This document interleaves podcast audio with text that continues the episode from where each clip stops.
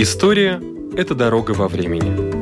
Она уходит в седую древность, выводит в современный мир. Она показывает, рассказывает, объясняет. И не перестает удивлять. Живая история.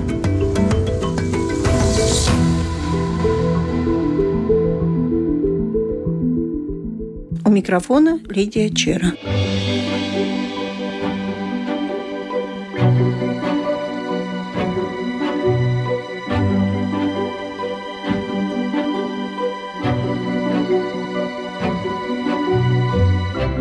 Я думаю, что специалисты-полиграфисты знают три вида бумаги. Это газетная, офсетная и мелованная. Но, наверное, человек, с которым я сегодня встретилась, Артис Эрглес, изучает бумагу и может, наверное, каким-то образом определить, какому столетию принадлежит та или иная историческая книга. Правильно я поняла? Конечно, бумага – это один из факторов, который, если неизвестно, когда книга была издана, нету данных. По бумаге то тоже возможно восстановить историю книги, по крайней мере, период в какой момент. Но если это старые книги, то, скорее всего, это было еще тряпичной бумаги, потому что до середины XIX века, до изобретения Келлера, Келлера был в Германии, Шарл и Фенетри в Канаде, до их изобретения бумаги из механической древесины, всю бумагу делали тряпичную, то есть из старых тряпок в Европе делалась бумага во всем мире – но, по-моему, все-таки изобретателями бумаги, так же, как и пороха, являются китайцы. Да, китайцы. 105 год нашей эры Цай Лунь изобрел в Китае способ, ну, скорее всего, это было несколько изобретений в течение какого-то времени, но вот в истории осталось его имя, что он изобрел вот способ изготовления бумаги. Причем в те времена в Китае бумаги изготавливали не из тряпичного сырья, а из древесины, но не из твердой древесины, как теперь мы изготавливаем, а они ранней весной собирали вот молодые побеги, которые они могли распушить на волокна.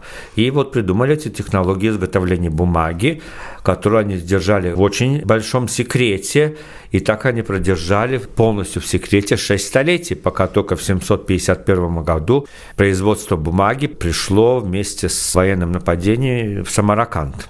И самаркандскую бумагу экспортировали уже в Европу. Китайскую бумагу в Европу не попадала. В Европе в то время писали на папирусе, который на латышском языке дал далее название папирс, или на английском paper, от папируса это произошло, или на более дорогом пергаменте. Материал для переноса информации, который делали из кожи животных. А в России была береста, берестяные грамоты были. Не только береста, также использовались и в более позднее время пергамент, но самые ранние, это, конечно, это береста, но для более важных документов, конечно, тот самый пергамент, папирус нет. В России береста это вот, скорее всего, что на территории Латвии тоже использовались береста, потому что не только в России, это и в Швеции использовалась береста для нанесения какой-то информации. Но у нас на нашей территории пока мы еще археологи не нашли еще ни один вариант. Но, скорее всего, да. Говорят, что любой шедевр художественный, картина любая, ее можно скопировать. И скопировать ну, настолько, что очень трудно определить, подлинник это или все-таки подделка. Очень трудно определить. А вот с бумагой, если вы, например, смотрите, ну такая вот старая книга выглядит, фолиант большой, вы начинаете ее смотреть и чувствуете, что вот что-то не то, может быть, подделка. Можете определить? Такие книги сейчас, скорее всего, не подделают. Там скорее можно было бы говорить о каких-то способах реставрации. Потому что книга живет. Книга, кстати, бумага как человек. Она не любит слишком большую мокроту. Она не любит слишком большую жару. Так же, как человек. То есть, если человек плохо, и бумаге будет плохо. И в книгах происходят потери.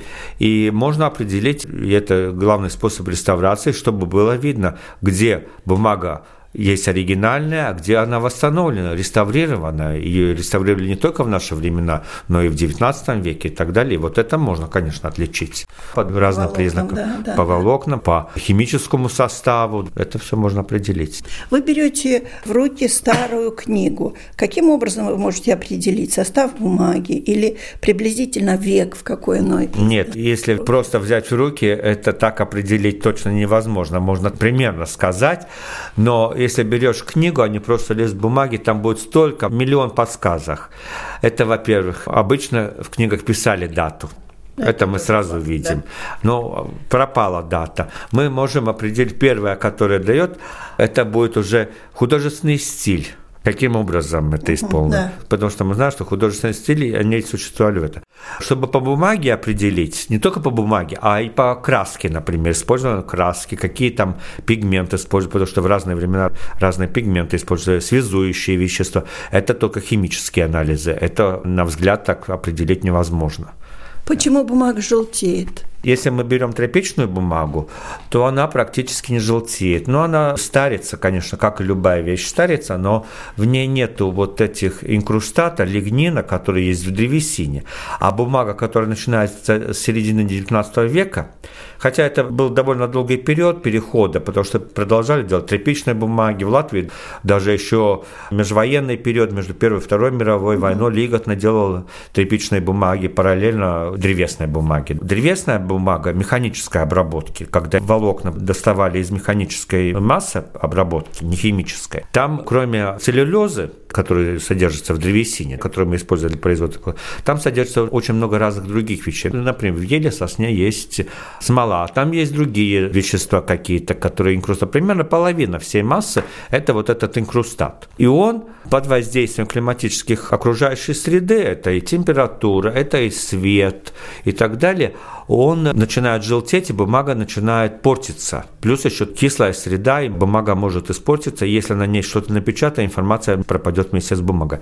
Поэтому, например, при реставрации, современной реставрации, даже иногда может быть книга, которая 200, 300, 400 лет, и она намного лучше сохранилась, чем, скажем, газета конца 19-го, начала 20 века, где вот эта механическая древесная масса использовалась для этой бумаги, и она уже очень-очень портится. Там очень сложные методы реставрации, чтобы эту информацию сохранить.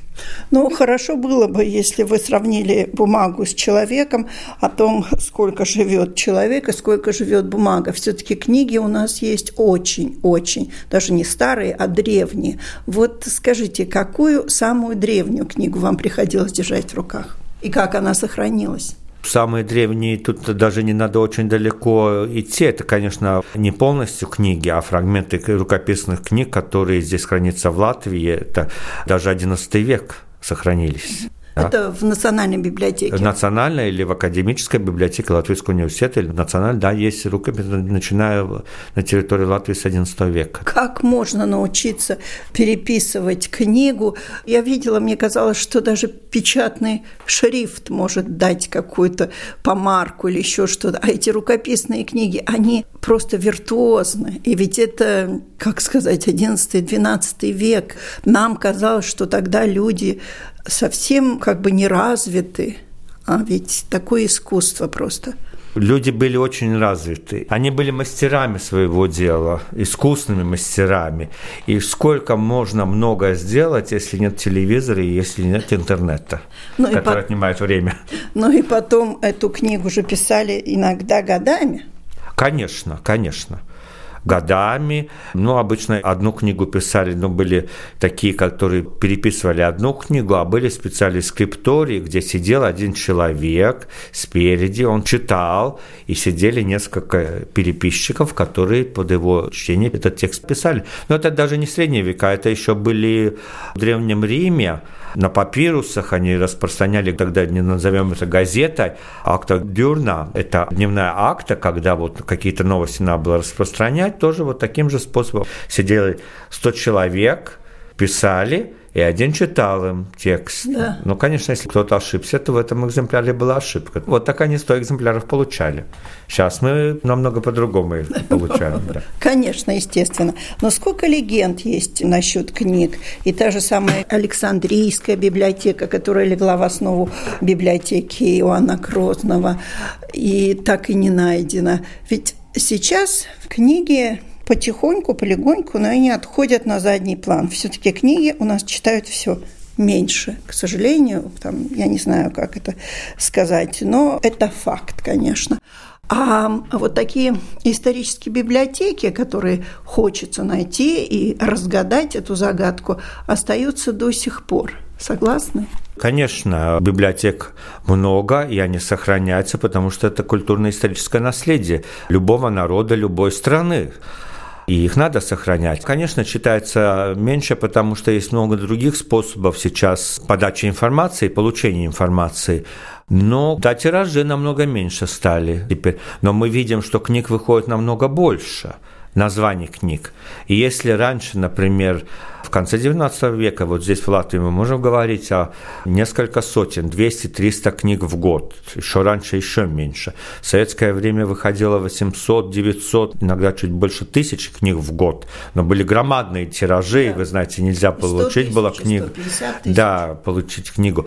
То сейчас тиражи намного упали, это сотни, это несколько тысяч экземпляров, если это бестселлер, то может быть даже к 10 тысячам подходит но зато названий в Латвии выходит только в Латвии. Так, в среднем до трех тысяч последний год уже названий не выходит, но две с половиной тысяч до трех тысяч, да, мы можем говорить названий книг.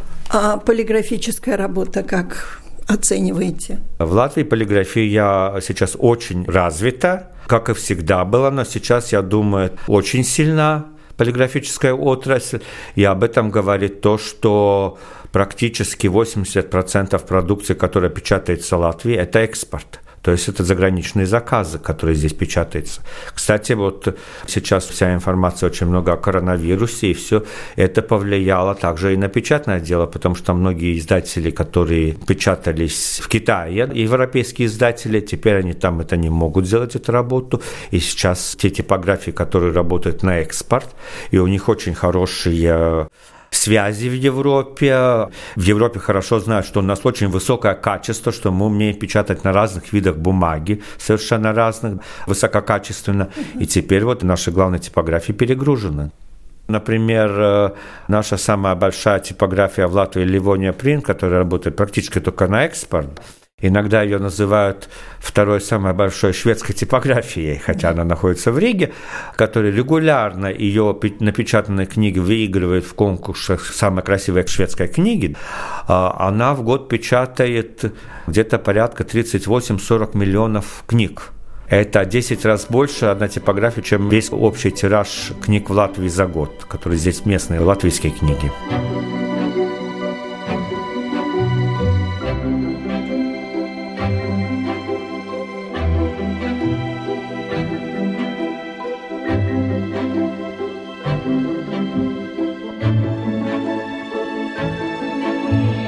Интересно, что искусство производства бумаги в Европу принесли арабы.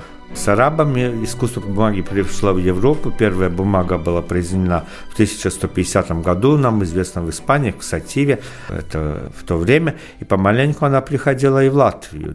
И точно мы знаем, что в Латвии начали производить, эта бумага сохранилась в архивах с середины 17 века на Томас бумажная мельница на левом берегу Даугавы производилась. Но это примерно получается километров 40-50 от Риги теперь, Томас, бумажная мельница. Да. И потом это развивалось. Хотя, возможно, производство бумаги было и раньше, но у нас не сохранилось, конечно, да, ничего, но в XVI веке Стефан Баторий польский король дал привилегию построить бумажную мельницу на территории теперешней Латвии или Эстонии. И нам неизвестно, было ли они построены, пока что ничего не сохранилось, мы не нашли никакие. Так что точно мы знаем середину 17 века.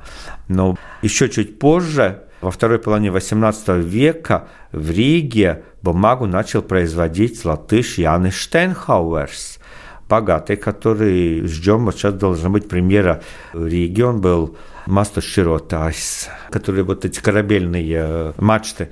Он был известный в то время специалист по древесине, и он был очень богатый человек. У него были связи даже при царском дворе в Петербурге. Регулярно судился с властями немецкой Риги, и он в Засулаке построил бумажную мельницу и производил разного рода бумагу и пищу бумагу и для печати, и для упаковки разные бумаги он производил. Вот и теперь очень жду фильм, который должен быть вскоре премьера об этом человеке. Это документальный фильм, название у него есть? Я еще не знаю, я вот только сейчас в интернете прочитал такую новость. Но наши латвийские документалисты. Да. Насколько я понимаю, продюсер Эдвин Инканс. Думаю, к осени будет или даже летом. Ну, будем ждать и следить за информацией. История бумаги, я бы так назвала фильм. Да. Он не только по бумаге, там, наверное, это была только одна маленькая часть его жизни. Главный бизнес у него все-таки был эти вот корабельные мачты, которые он занимался, потому что это был в то время самый ходовой товар здесь территории Латвии теперешней. Такие вот владельцы типографии ведь были вообще всегда богатые люди. Даже обратить внимание на Читу Беньяминев, они же ведь были миллионеры. Да, но там даже, может быть, не сколько типографии, сколько и издательское дело. В то время, 20-е годы, радио уже существует, но это не самый популярный. Самый главный вид подачи информации – это газета. И мы можем смотреть, какие там громадные вот эти части, где объявления Спасибо. У нашего микрофона был эксперт, который сегодня выступил в нашей программе как эксперт по бумаге Артис Эрглис.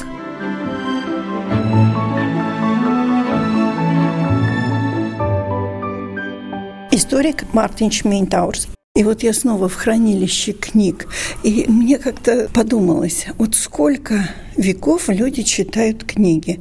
По-моему, всего два века – это так активно 19 и 20 а 21 уже как бы меньше читают книги, больше электронные всякие приборы, которые у нас угу. есть, телефоны, гаджеты. Да, или электронная книга, как она сейчас называется, да. специальное такое явление. Ну, пока... Два века, да, всего? Ну, два так, века – это такого интенсивного чтения, в силу того, что эти два века у нас существует и пресса, и, конечно, печатные книги, которые выходили уже, как говорится, массовым тиражом. Потому что до 18 века действительно книга, конечно, была редкостью. Была редкостью, да, в европейской традиции она, конечно, в первую очередь была связана с Святым Писанием, которое требовалось, чтобы оно было в каждом доме, в таком идеальном варианте. Но, в принципе, это, конечно, книга ритуальная и книга не для ежедневного чтения. И существовали mm-hmm. даже такие притчи о том, что вот если кто-то прочтет всю Библию с начала до конца, то есть и Ветхий Завет, и Новый Завет, то такой человек от всего этого пережитого, скорее всего, сойдет с ума. Такая притча была еще в XIX веке распространена. Но печатное слово, как таковое, конечно, распространялось после изобретения Гутенберга насчет книгопечатания. И в первую очередь как раз религиозные тексты вышли в таких тиражах. Та же самая Библия, и не только Библия, если говорить там о 16-17 веках, тогда в эпоху так называемых религиозных войн в Европе, которые начались с начала движения реформации в начале 16 века, века. Ну, так эта эпоха религиозных войн, она продолжалась в Западной и в Центральной Европе вплоть до середины 17 века. В эту эпоху религиозных войн очень распространенными стали разного рода листовки, которые печатались как протестантами, так и католиками, и печатное слово приобрело такую форму идеологического оружия. Но помимо этого, как раз в XVIII веке, помимо печатных изданий и прессы, появилась еще одна категория книг, то есть книга, которую мы сегодня называем энциклопедией. Ну, мы говорили тогда о этой книге высокой мудрости Аукстес Гудрибс Грамот, которая появилась на латышском языке в конце XVIII века даже в двух изданиях, в двух разных редакциях. Но это, конечно, самое начало энциклопедического движения.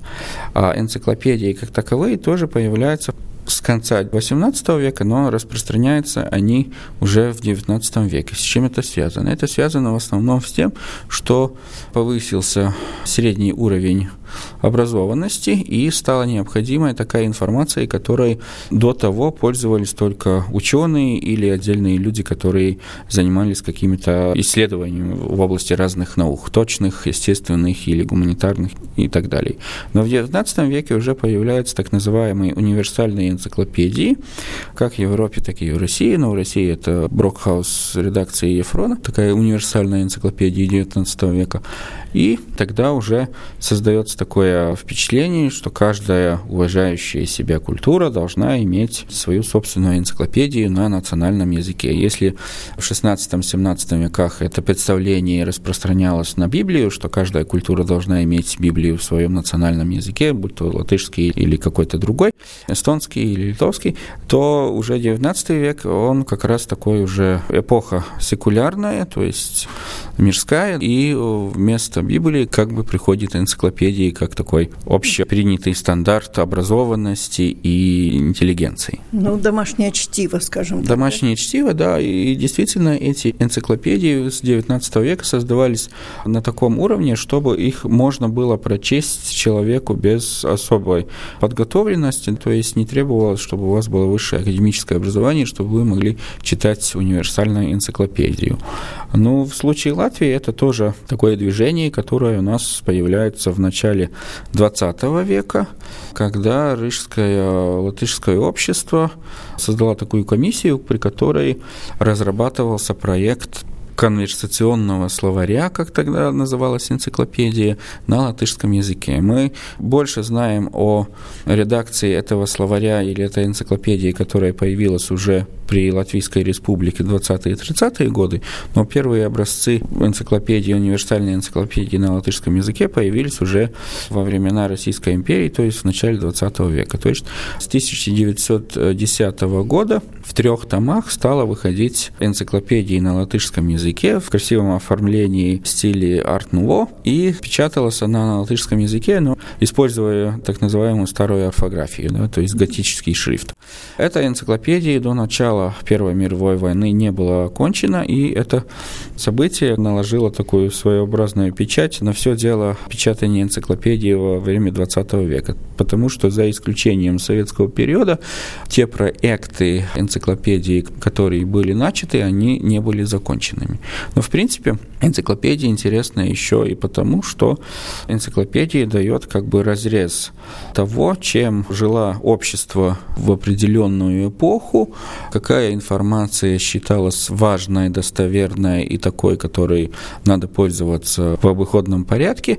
И с этой точки зрения, конечно, интересно читать и энциклопедию, которая как бы уже устарела. То есть информация, которая была актуальна для человека XIX века или начала XX века, она сегодня уже не пригодится, потому что изменилась наука, изменились представления о мироздании, о физике, о химии, о каких-то гуманитарных науках и так далее. Но они, как бы было не парадоксально, но из старой энциклопедии они не утрачивают свою значимость с точки зрения того, что они показывают, как жило общество в ту самую эпоху. И да, как устроен мир. И как устроен мир, и также политический контекст данной эпохи. Сегодня мы, конечно, можем по-разному оценивать советский период нашей истории, но та информация, которая сохранилась в латвийской и советской энциклопедии в двух редакциях, то есть малая энциклопедия Латвийской ССР, которая вышла в трех томах в начале 70-х, и потом этот проект, который был завершен, то есть латвийская советская энциклопедия в 12 томах, которые... Зеленые книги. Зеленые книги, да, такие солидные, которые до сих пор, конечно, доступны и в Национальной библиотеке, и они не уходят в прошлое только из-за того, что они были напечатаны в советское время. Там, конечно, присутствует советская идеология и советский тип взгляда на мир, конечно, там очень-очень существенно проявляется. И как раз этим и эта энциклопедия интересна и ценная для исследователей той эпохи, потому что энциклопедия содержит в себе как бы такой концентрат своего времени времени. И с идеологической точки зрения, и с точки зрения технической информации, и того, как эти люди видели мир, в котором они жили. Какие